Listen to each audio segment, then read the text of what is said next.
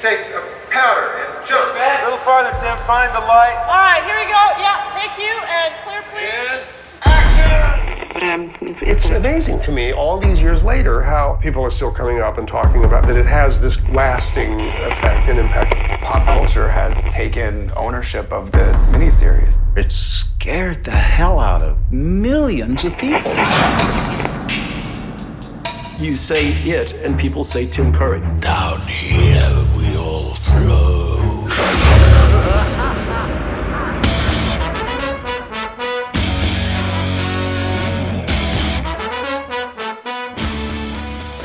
Witam Was, kochani, bardzo serdecznie w kolejnym 511 już odcinku podcastu Radio SK.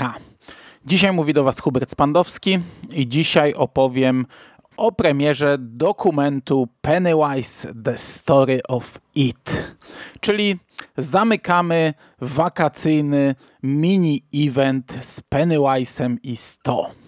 Film dokumentalny Pennywise The Story of It to jest film wyprodukowany przez Dead Mouse Production i Cult Screening UK. I to jest film twórców takich dokumentów jak Leviathan, The Story of Hellraiser and Hellbound Hellraiser 2 innego dokumentu You Are So Cool Brewster, The Story of Fright Night, kolejnego dokumentu Robodog, The Creation of Robocop i to jest film reżysera produkcji, którą omawiałem już dla Was i to nawet w zasadzie dwukrotnie, bo mówiłem sporo o nim w halloweenowym, zeszłorocznym specjalnym odcinku Strefy Mroku, ale też potem w grudniu wypuściłem taki dwupak dokumentalny Stephena Kinga i przedłużam, przedłużam, ale w końcu muszę przeczytać ten tytuł. E, Unearthed and Untold The Patch to Pet Cemetery który był bardzo dobrym dokumentem, ale choć mówiłem o nim w dwóch podcastach, to nie doczekał się samodzielnej audycji, takiej jak mamy dzisiaj. Pennywise zawiera ponad 30 wywiadów i dotąd niepublikowanych materiałów z planu, filmów i zdjęć. I zanim przejdę do mięcha, zanim przejdę do środka, do omawiania tego, o czym i jaki jest ten dokument, Chciałbym w dwóch zdaniach przybliżyć jego historię, bo jest ona dosyć ciekawa i trochę kontrowersyjna. Otóż ten film w 2016 roku, czyli 6 lat temu, wystartował z kampanią na Indiegogo. Ostatecznie kampania zakończyła się sukcesem. Było 603 wspierających. Łączna kwota, jaką zebrano, to w przeliczeniu na polskie 171 905 zł. Czyli to było jakieś około, nie wiem, 30 tysięcy funtów. I było to 153% e, planowanej kwoty do zebrania. Więc, tak jak powiedziałem, akcja zakończyła się sukcesem. W opisie e, kilka razy jest wyraźnie zaznaczone, że jest to akcja wszystko albo nic. I jeśli nie uda się zebrać pieniędzy, no to film po prostu nie powstanie.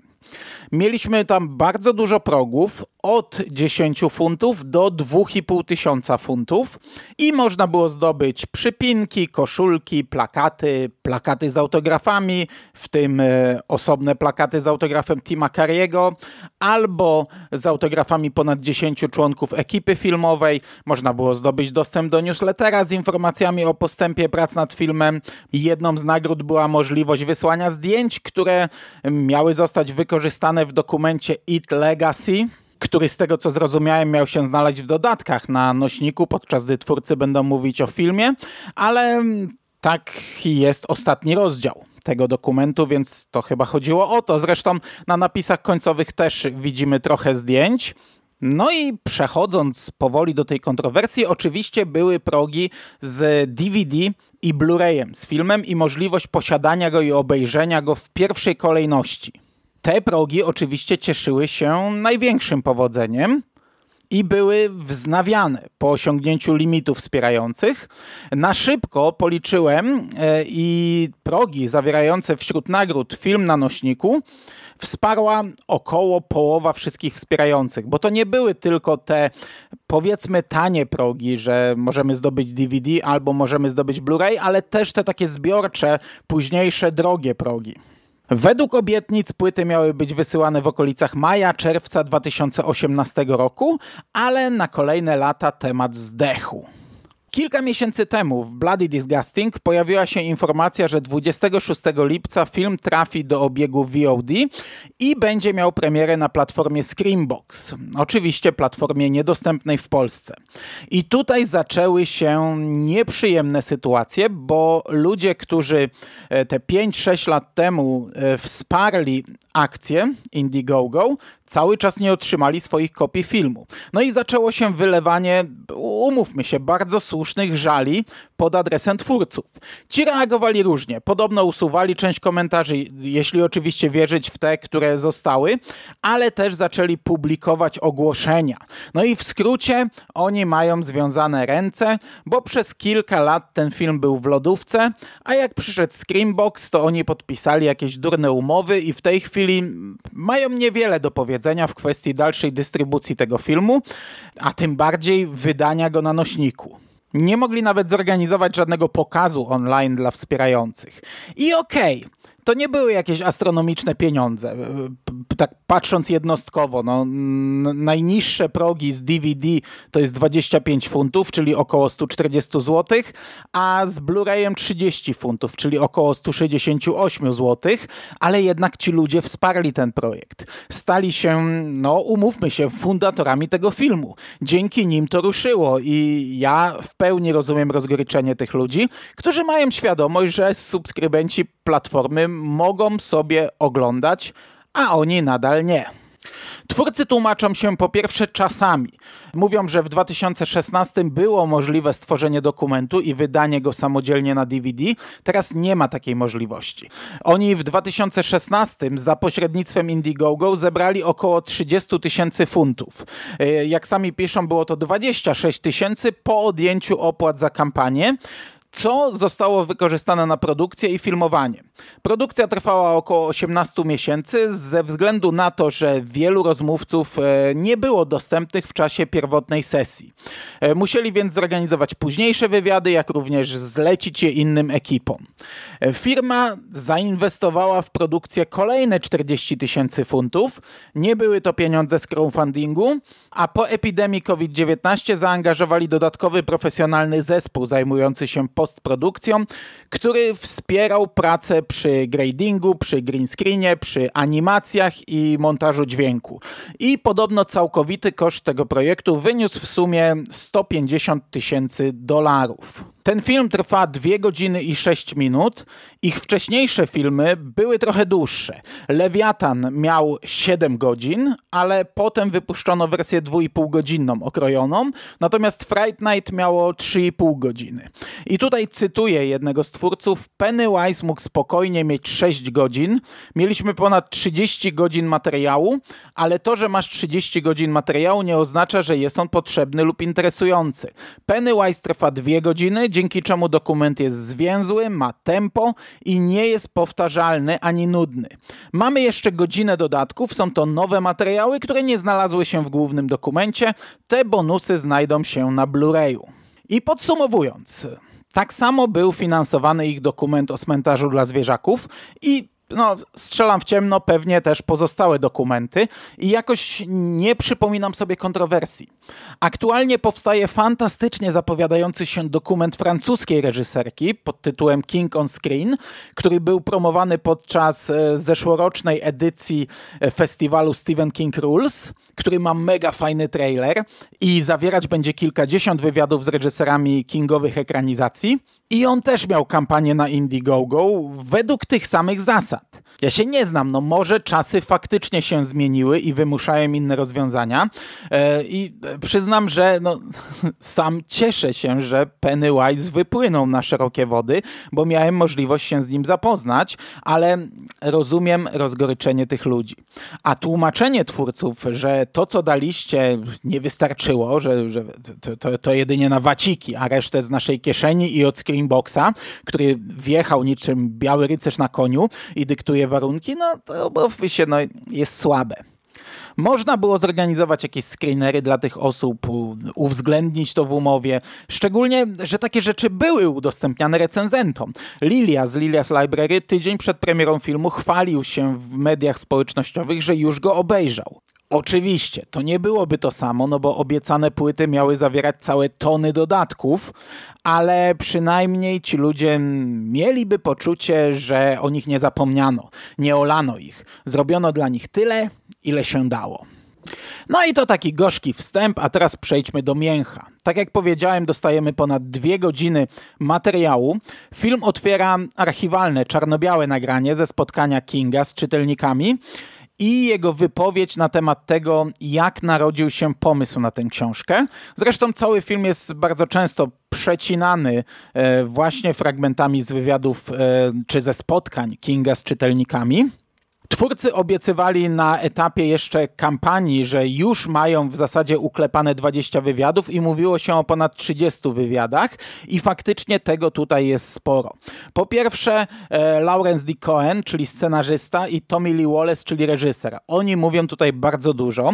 Po drugie, bardzo dużo osób z ekipy i to są producenci, ludzie od castingów, od wyglądu postaci, od makijaży, od efektów specjalnych. Jest też kompozytor, jest nawet facet, który grał pająka Pająka. O tym trochę więcej później. E, po trzecie, aktorzy. I oczywiście, no, jedyny i niepowtarzalny Tim Curry. Poza tym cały młody klub frajerów, oczywiście cały, który mógł się pojawić, poza Jonathanem Brandisem, który już nie żyje. Czyli mamy sześć osób z młodej ekipy, no już teraz nie takiej młodej, no ale 30 lat temu byli młodzi. Jest Georgie, Fantastycznie to się ogląda, jak się widzi fragmenty z tym małym Georgiem wyrwanym z lat 50. na ekranie, a potem facet w tej czapeczce obróconej do tyłu opowiada, jak to było e, grać w tym filmie. No, jest trochę mniejsza ekipa, jeśli chodzi o starszą wersję klubu frajerów. Tutaj e, już dwie osoby odeszły. Nie było oczywiście Johnego Rittera, który zmarł w 2003 roku. Nie było Harry'ego Andersona, który grał Richiego. Ten zmarł całkiem niedawno, w 2018. I nie było Aneto Tull. Ta jeszcze żyje. Czyli tak naprawdę dorosły klub frajerów ograniczył się do czterech osób, czyli Bill, Eddie, Stan i Mike. Byli oczywiście też wszyscy złole, czyli Henry Bowers, Belch, Patrick, Al Marsh, czyli ojciec Beverly i dorosły Henry. No i oprócz tego masa, masa innych ludzi, ale też bez sensu, żebym ja wam czytał tutaj z nazwisk, które nic wam nie będą mówić. Była nawet mama Billa, e, tego dwunastoletniego. Ona tutaj zagrała w jednej scenie, gdy e, policja czy, czy, czy sąsiedzi, policjanci niosą e, ciało Georgiego do domu. No i widzieliśmy też ją, albo tylko słyszeliśmy grającą dla Elizy. I tak jak powiedziałem, dokument składa się z dziewięciu rozdziałów i ja sobie przez nie przelecę. Pierwszy to jest From Script to Small Screen.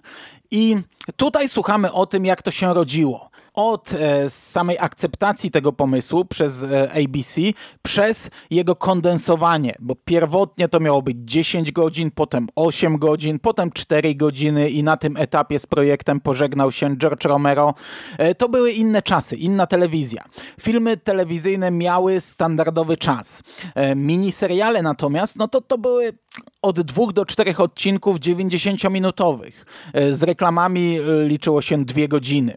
Natomiast klasyczne seriale telewizyjne były zupełnie inne. Nie, nie, nie kręciło się czegoś takiego jak choćby, nie wiem, najnowszy Bastion, jak, jak taki, tak, takie rzeczy jak teraz się kręci, tak zwane limitowane serie, gdzie historia z góry jest powiedzmy zaplanowana na 10 odcinków i zamknięty jeden sezon, nic więcej. No seriale w tamtych czasach wyglądały zupełnie inaczej, więc to nie był materiał na serial telewizyjny, a ewentualnie miniserial, tylko że to też był raczkujący temat. I no, ja sobie nie przypominam miniseriali dziesięciogodzinnych. To, to znaczy możliwe, że były, ale to chyba nie w latach 90., chyba troszeczkę później, jak, jak choćby, nie wiem, Taken, Wybrańcy Obcych, ale to jest początek XXI wieku. To był e, dużo, dużo dłuższy właśnie miniserial telewizyjny.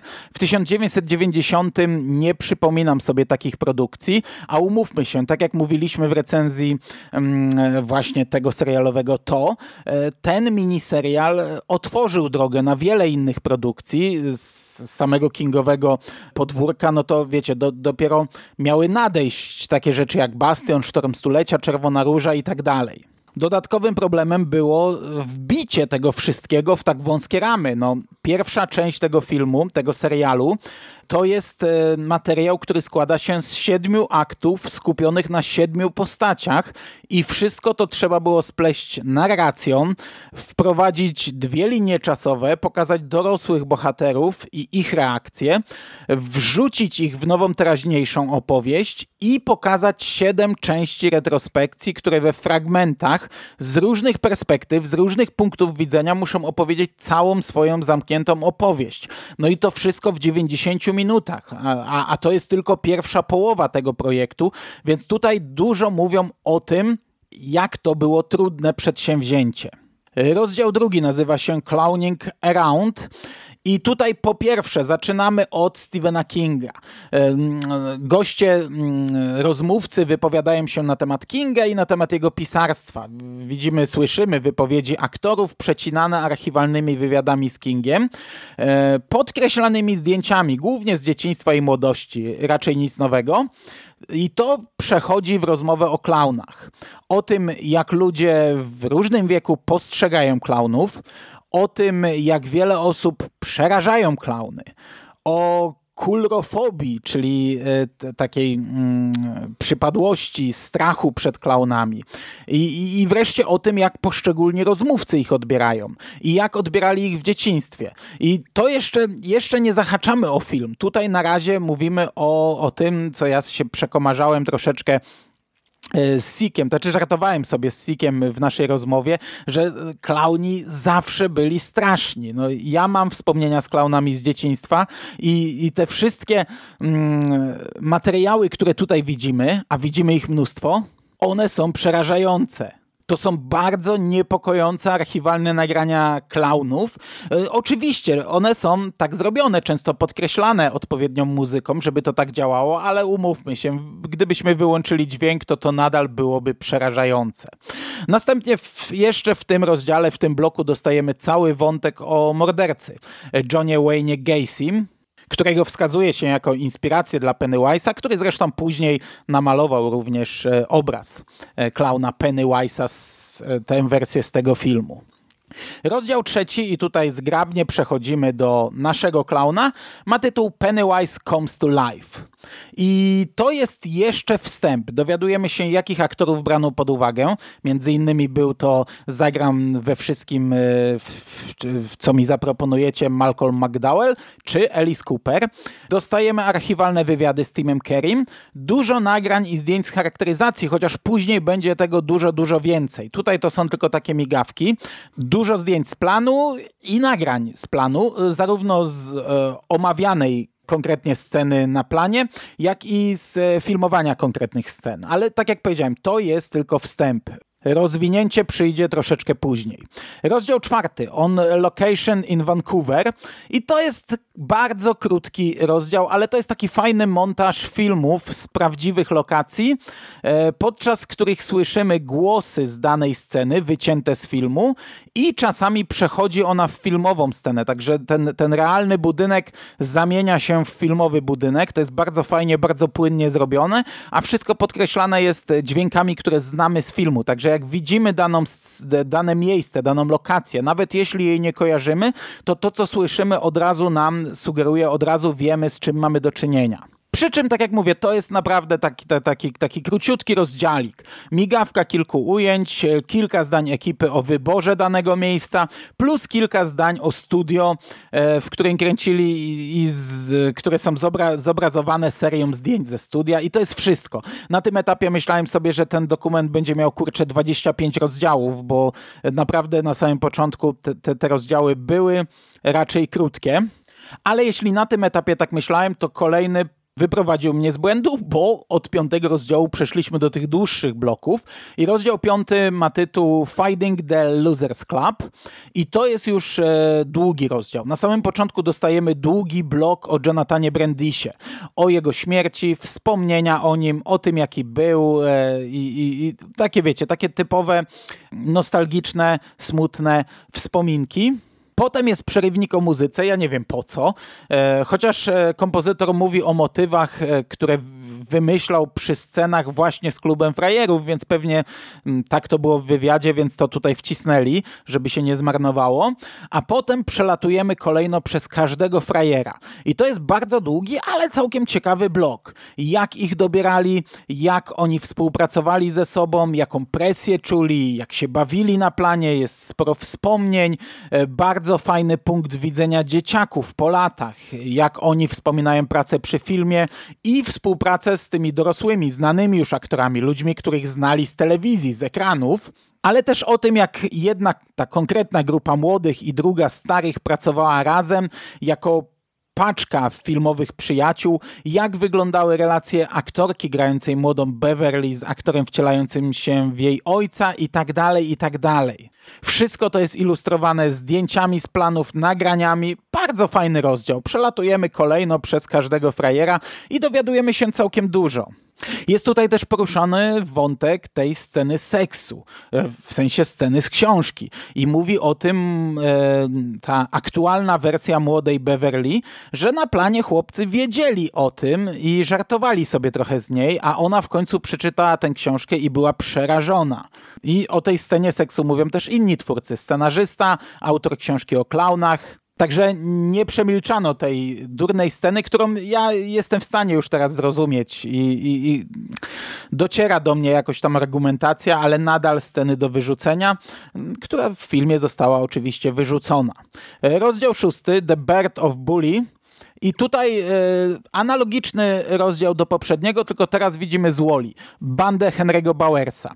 I tutaj ciekawostka, bo trzeci aktor, który chyba nie występuje w filmie z imienia, e, Gabe e, Colt, który zresztą zmarł w 2019 roku. Podpisany jest tutaj jako Patrick Hocksetter i Victor Chris. I na początku trochę nie rozumiałem o co chodzi od razu odpaliłem IMDB i sprawdziłem jak tam jest, no i tam jest podpisany jako Patrick, ale on tutaj porusza ten wątek, że na IMDB jego postać jest podpisana właśnie w taki sposób, jak on w tym filmie czyli nazwisko jednego bohatera łamane przez nazwisko drugiego i widzimy w, e, zrzut ekranu z IMDB, czyli tak to musiało być wcześniej i widzimy, że w części pierwszej jest on wyszczególniony jako Patrick Hochstetter, a w części drugiej jako Victor Chris. I on mówi o tym, że w rozmowach z fanami to padało. Oni mówili do niego, że świetnie zagrał Wiktora, a on odpowiadał, że nie, no przecież grałem Patryka. A oni się z nim wykucali, nie grałeś Wiktora, nie grałem Patryka. Zresztą jako Patrick jest właśnie podpisany w napisach końcowych pierwszej części tego filmu, przy czym samo imię, nie ma nazwiska, a w napisach drugiej go nie ma, ale ja nawet nie pamiętam, czy tam były jakieś nowe sceny z tą postacią. Były nowe sceny z Belczem, z drugim złolem, w Belczem w wersji zombie, kiedy pojawia się w drugiej części to w szpitalu, e, gdy pomaga uciec Henremu. Wychodzi spod jego łóżka, daje mu nóż sprężynowy, ale Patryka ja sobie nie przypominam z tego drugiego filmu. Przy czym ogólnie ja rozumiem pomyłkę, no bo w książce trzecim łobuzem w tej bandzie był właśnie Victor Chris, a Patrick Hoxeter to była zupełnie inna postać, która też była łobuzem, ale zupełnie innym, kimś innym. On nie był w paczce Henry'ego. E, zabawne jest to, jak w tym bloku oni podkreślają, że zawsze przepraszali się na koniec dnia. To w sumie e, pokazuje, jak to musiała być ciężka praca z dziećmi. Jak oni, jako wielokrotnie debiutanci filmowi, e, musieli odbierać to, co się działo na planie. Aktorka grająca Beverly mówi o tym, że jej filmowy ojciec ciągle ją przepraszał. Y, codziennie na koniec dnia ją przepraszał za to, jak ją traktował podczas kręcenia danej sceny. Henry Bowers, aktor wcielający się w młodego Henry'ego, mówi, że codziennie przepraszał frajerów za to, co musiał mówić na planie. Wiecie, wyzywał ich od grubasów, od czarnuchów i tak dalej, nie? I za każdym razem ciągle ich za to przepraszał, tych chłopaczków. Ale też z drugiej strony aktor grający Bena mówił o tym, że autentycznie był przerażony podczas kręcenia sceny, w której łobuzy go dopadły i Henry chciał go pociąć, czyli to faktycznie działało na te dzieciaki. Rozdział siódmy. The shape of things we are afraid of. I tutaj pokazane jest, jak powstawały dane sceny. Co ciekawe, scenę otwierającą film, kiedy ginie Georgie, kręcili w Vancouver i mieli już przygotowany cały plan, więc nie mogli jej przełożyć, a akurat pogoda ich zaskoczyła i już pal licho, nie padało, ale był to bardzo słoneczny i bardzo suchy dzień. I to słońce faktycznie e, przebija się w tej scenie i gdy tam leje ten deszcz, to to słońce widzimy, nie? Ono przecina ten deszcz. Dowiadujemy się, jak zbudowali kanał, w którym e, stał Pennywise w tej pierwszej scenie i jak to było wszystko nakręcone, no bo on, on, umówmy się, nie siedział pod ziemią, nie? To wszystko było e, zbudowane. Mówią o tym, jak telewizja wymusiła zmianę sceny z nacięciem rąk, e, fragmentem butelki i braterstwem krwi, kiedy frajerzy po wyjściu z kanałów e, przysięgają, że wrócą, gdy to powróci jeśli to powróci. I tutaj scenarzysta mówił, że zastąpił ją tym, tą sceną wspólnego wdychania inhalatora Ediego, e, przy czym to jest scena jeszcze przed wejściem do kanału, więc w sumie to jest zupełnie inna scena, mająca zupełnie inny wydźwięk. Oni jakby, to, to, to jest to, taki raczej odpowiednik um, przygotowania się do walki, a nie e, przysięgi po walce. Nie? Po walce po prostu e, przysięgają i kładą sobie rękę na rękę. I właśnie jak już to poruszyłem, że telewizja tutaj coś wymusiła, to twórcy mówią o walce z cenzurą, o tym jak pierwotnie ten film został zablokowany. My mówiliśmy w tym naszym podcaście, że on jest mało krwawy, ale kurczę, w sumie no to trzeba spojrzeć na to z drugiej strony. To jest film telewizyjny lat, z lat 90., dokładnie, a w zasadzie prawie z 80., a nawet dokładnie z 80. E, I tej krwi tutaj jednak jest dużo. Wiecie, no wtedy na ekranie telewizorów krwi nie mogło być. Tutaj mamy dzieci zagrożone, a przecież sam Stephen King mówił o tym, e, jak walczył z telewizją podczas robienia swojej wersji Lśnienia, to było 7 lat później. I mówił o tym, że no to, to, to były kluczowe sprawy, że w telewizji, w produkcji telewizyjnej nie może być przemocy, jeśli ma ona oczywiście polecieć o odpowiedniej godzinie, e, a nawet chyba w publicznej, nie wiem jak tam wieczorami też chyba w tamtych czasach było ciężko. I kluczowe, nie może być dziecko w zagrożeniu, a to był fundament lśnienia. No i z tym był ogromny problem, a tutaj dzieci dzieci giną, dzieci są porywane, torturowane, zabijane i dzieci są przez całe te cztery godziny, e, pomijając reklamy, w niebezpieczeństwie. Także patrząc z tej strony, a z tej strony powinniśmy na to patrzeć, to ja w sumie nie wiem, jak ten film przeszedł, bo tak jak mówię, on pierwotnie został zablokowany, a potem ktoś pociągnął za konkretne sznurki i e, dostał zielone światło ostatecznie. Widzimy, jak kręcili scenę z lat dwudziestych, która była e, na fotografii, gdy do e, klubu frajerów dołącza Mike, młody Mike i on ma ten album z fotografiami i jedna z fotografii ożyła. I tam widzimy ten ruch na ulicy i klauna biegającego po tej ulicy, także widzimy, jak zbudowano e, tę ulicę, widzimy, jak to kręcili. To jest w sumie fajnie pokazane, bo ta scena, jak on wskakuje na latarnię i mówi w stronę kamery, to my to tutaj mamy kilka razy pokazane okiem innej kamery. To fajnie wygląda.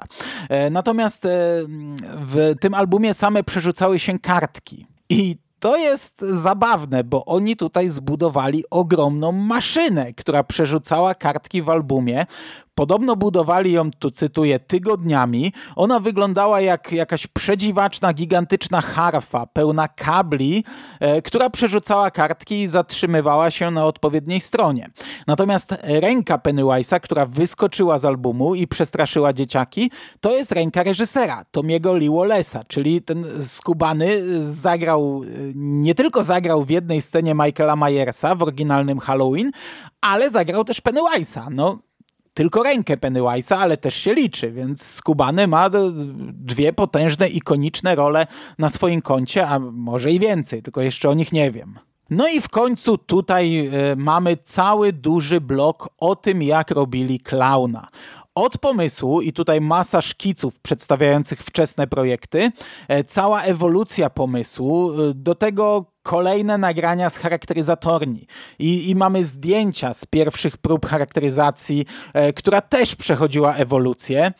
Tam padają bardzo fajne słowa, bo oni kombinowali z takim strasznym make-upem klauna i ponoć Tim Curry powiedział, że jak chcą robić coś takiego, to chyba wzięli złego aktora.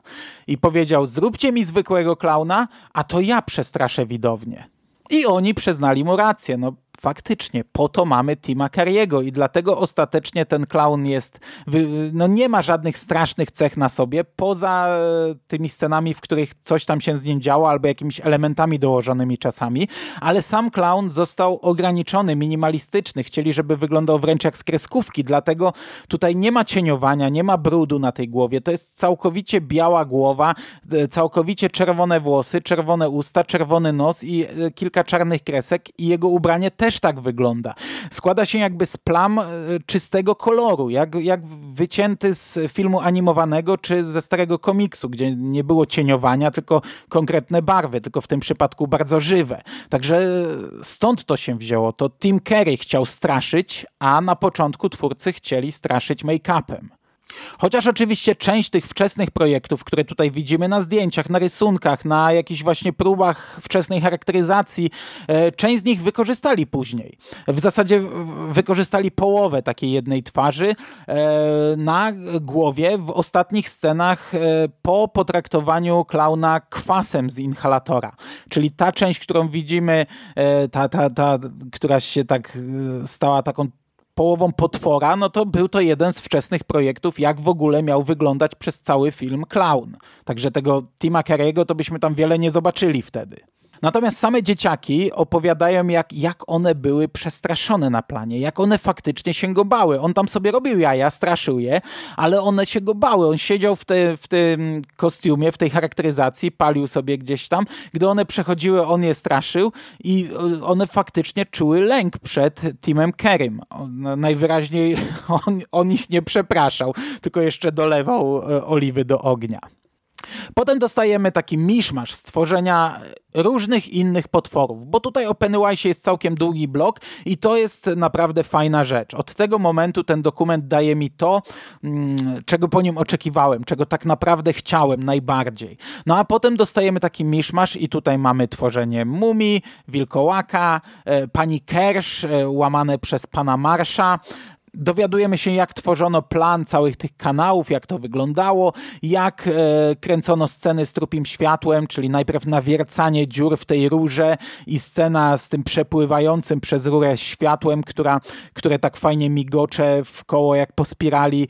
Jak zrobiono całkiem efektowną, fajną śmierć Belcza, y, jak kręcono cały finał tej pierwszej części, jak kręcono scenę pod prysznicem, animacja poklatkowa z, tą, z tymi rozdzieranymi kafelkami, jak kręcono scenę w chińskiej restauracji i ponoć autentyczne zaskoczenie po złamaniu ciasteczek z wróżbą, autentyczne zaskoczenie aktorów. E, jak robiono scenę z głową sama w lodówce? To jest całkiem długie, całkiem długi blok. No i dochodzimy do dwóch ostatnich rozdziałów i tak jak e, tutaj ten poprzedni już dał mi naprawdę mięcho, naprawdę to, czego chciałem, tak ósmy daje mi tego jeszcze więcej i jest zatytułowany Beware the Spider, czyli coś, co w filmie było raczej słabe, teraz tutaj rozkładamy na czynniki pierwsze.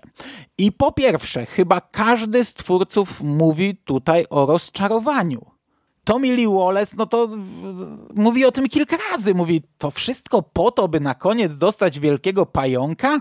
I mówi o tym zarówno w kontekście książki, czyli tej historii napisanej przez Kinga, jak i tego modelu, który, z którym musiał pracować. Scenarzysta rzuca tutaj swoje pomysły. Tim Curry to w ogóle puentuje, że to jest słabe i niestraszne i cieszy się, że w, tym, w tej końcówce nie grał. Natomiast cały ten rozdział jest naprawdę bardzo fajny. Znów dostajemy po pierwsze wczesne projekty, szkice, pomysły, e, bardzo dużo materiału z planu, e, tworzenie tej mechaniki, wyglądu i tak dalej.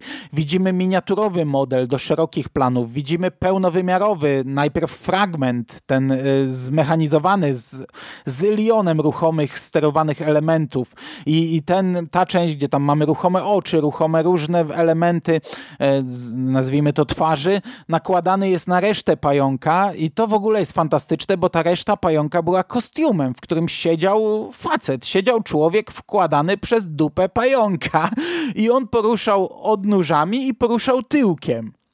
I widzimy szkic, jak to wyglądało z tym człowiekiem w środku. Widzimy sceny, jak go wkładali do środka, jak kazali mu ruszać różnymi elementami. Widzimy żart, jak pokazuje fakolca.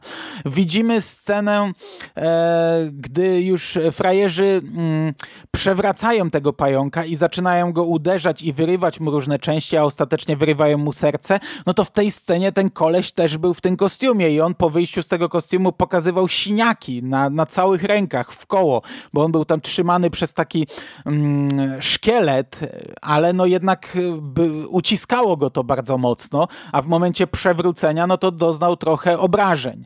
Delikatnych, ale jednak. I to jest naprawdę bardzo fajna rzecz. To jest dla mnie chyba najlepsza rzecz z tego dokumentu. Na coś takiego liczyłem i tutaj oglądałem to z bananem na twarzy. No, tysiąc razy lepsze niż finał samego filmu. Natomiast ten finał filmu yy, puentuje tutaj Tommy Lee Wallace, czyli reżyser, mówi o tym, że jego nie było przy tym ostatecznym montowaniu i tej ostatecznej pracy nad już nagranym materiałem. On był wtedy gdzie indziej, ty, tym finałem tej drugiej części, czyli wejściu do kanałów i walce z pająkiem i on nie był z tego zadowolony. Mówi, że to jest strasznie jasne, że gdyby on miał czas i gdyby on przy tym pracował, to by to ściemnił i faktycznie tak jest e, zestawione to, jak on by to zrobił i scena e, oryginalna i to jest naprawdę bardzo teatralne, bardzo mocno oświetlone, tam wszystko widać, tam jest naprawdę bardzo dużo światła. No i na sam koniec tego dokumentu dostajemy właśnie ten rozdział The Legacy of It. I tutaj standardowe takie zakończenie. Mówią o sukcesie tego filmu, o tym jak to wyglądało zaraz po e, premierze, o nagrodach, w sensie o jednej nagrodzie, no e, kompozytor dostał nagrodę Emmy za, za, za muzykę z tego filmu, o tym jak ten miniserial wypłynął na szerokie wody, jak to jest w ogóle wyjątkowe, bo takie rzeczy raczej nie wypływają, jak on się zakorzenił w popkulturze, jak bardzo stał się ikoniczny. I to wszystko mamy przed przecinane właśnie różnymi zdjęciami z konwentów, zdjęciami ze spotkań z autorami właśnie na jakichś festiwalach, konwentach e, horroru i tak dalej, i tak dalej. I widzimy różne, wiecie, maski, stroje, ludzi w cosplayach. Tutaj też ze dwa razy przewija się, widać mm, tego klauna z tej nowej e, ekranizacji, ale to nie jest komentowane, no bo cały materiał został nagrany wcześniej, a, a to w postprodukcji po prostu dodano tego, również cosplay tego nowego klauna. No i to by było tyle. Na tym upływają nam dwie godziny i co jest najlepsze w tym dokumencie? E, po pierwsze, dostajemy mnóstwo, mnóstwo takiego materiału, który przelatuje nam przez ekran. Są to zdjęcia, są to filmy, zdjęcia z planu, zdjęcia obsady, filmy jakieś z produkcji, skręcenia. Bardzo dużo tego jest. Artykuły prasowe, fragmenty scenariusza, one zazwyczaj są w, wplecione, w, gdy widzimy daną scenę, o której mówią, to ten taki maszynopis jest nałożony na tę scenę. To nie jest tak, że widzimy kartkę, tylko ten sam tekst, y, zazwyczaj zrobiony na biało, ale taki jak, jak, jak pisany na maszynie, nałożony jest na obraz. Natomiast, e, no, tak jak powiedziałem, prześliznąłem się, ale to też warto podkreślić, artykuły prasowe, tego jest mnóstwo. To już normalnie widzimy artykuły i one są na tyle dobrej jakości, że można sobie spauzować i poczytać recenzje z e, pism, magazynów, prasy, e, artykuły i również zdjęcia w prasie. To jest bardzo fajna rzecz, bo to jest rzecz, której wcześniej nie widziałem, do której nie miałem dostępu, nikt nie miał dostępu. Tak samo ta, ta cała masa materiału z planu, zdjęcia i filmy, to jest naprawdę E, duży plus tego dokumentu. Oczywiście, ja na pewnym etapie, tak na, na etapie tej pierwszej połowy, miałem wrażenie, że to jest zbyt rozciągnięte, że to się wlecze i, i tak mówimy takimi ogólnikami, mówimy takie rzeczy, które ok, są fajne, jest spoko, ogląda się to dobrze, ale z drugiej strony, czy ja chcę siedzieć dwie godziny i oglądać takie rzeczy, które nie pokażą mi nic nowego poza tymi zdjęciami. Tak sobie nawet myślałem, że takie zdjęcia to można by fajny album wydać i, i w taki sposób to udostępnić i mielibyśmy cały czas wgląd w te zdjęcia. No oczywiście w tym momencie odpadłyby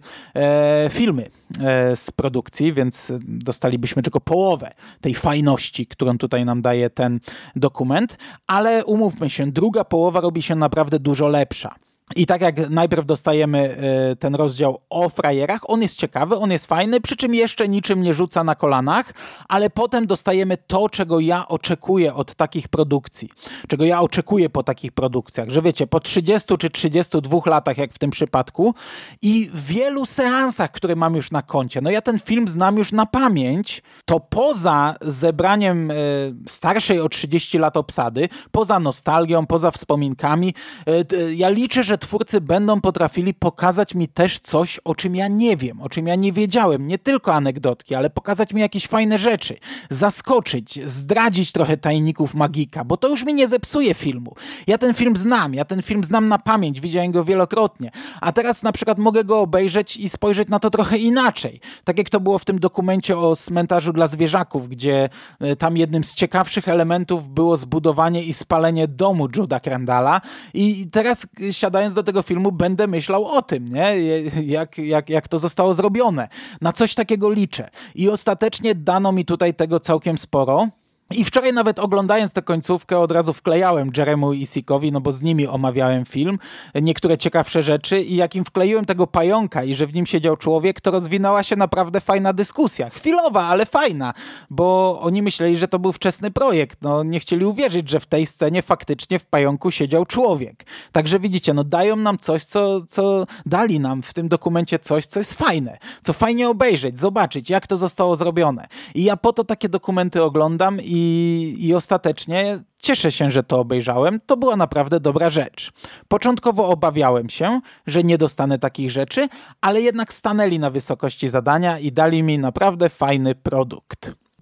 Czy można to było skondensować i dać trochę krócej? No oczywiście, pewnie można by, ale umówmy się. Zebrali tutaj naprawdę niezłą ekipę kroić to, wycinać. I tak wykroili i, wycin- i wycięli, bo tak jak cytowałem na początku, mieli materiału na 6 godzin, więc zrobili to dość płynnie i zgadzam się z tym, co powiedział wtedy jeden z twórców. E, nie jest to powtarzalne, e, jest jakaś dynamika, jest jakiś, jakieś tempo, jest jakaś linia, po której idziemy i, i, i tak jak e, na samym początku możemy sobie myśleć, po co mi to, tak ostatecznie mając pełen obraz, mamy świadomość, że był to wstęp do rozwinięcia tego tematu dalej. Także uważam, że zrobiono naprawdę bardzo fajną rzecz. I oczywiście tego dokumentu nie możemy obejrzeć w Polsce legalnie. Nielegalnie też jest dosyć ciężko, trzeba się trochę natrudzić, naszukać. Jak ktoś bardzo chce, to wiecie, tam cichaczem. Natomiast e, ja na dzisiaj będę już kończył. Na sam koniec przypominam, że jeśli podoba Wam się to, co robię, to możecie wspierać mnie za pośrednictwem Patronite. W przeciwieństwie do twórców omawianego dzisiaj filmu, jak ja coś obiecuję, to się wywiązuje. Natomiast e, za dzisiejszy odcinek dziękuję Wam bardzo. Do usłyszenia w przyszłości. Cześć!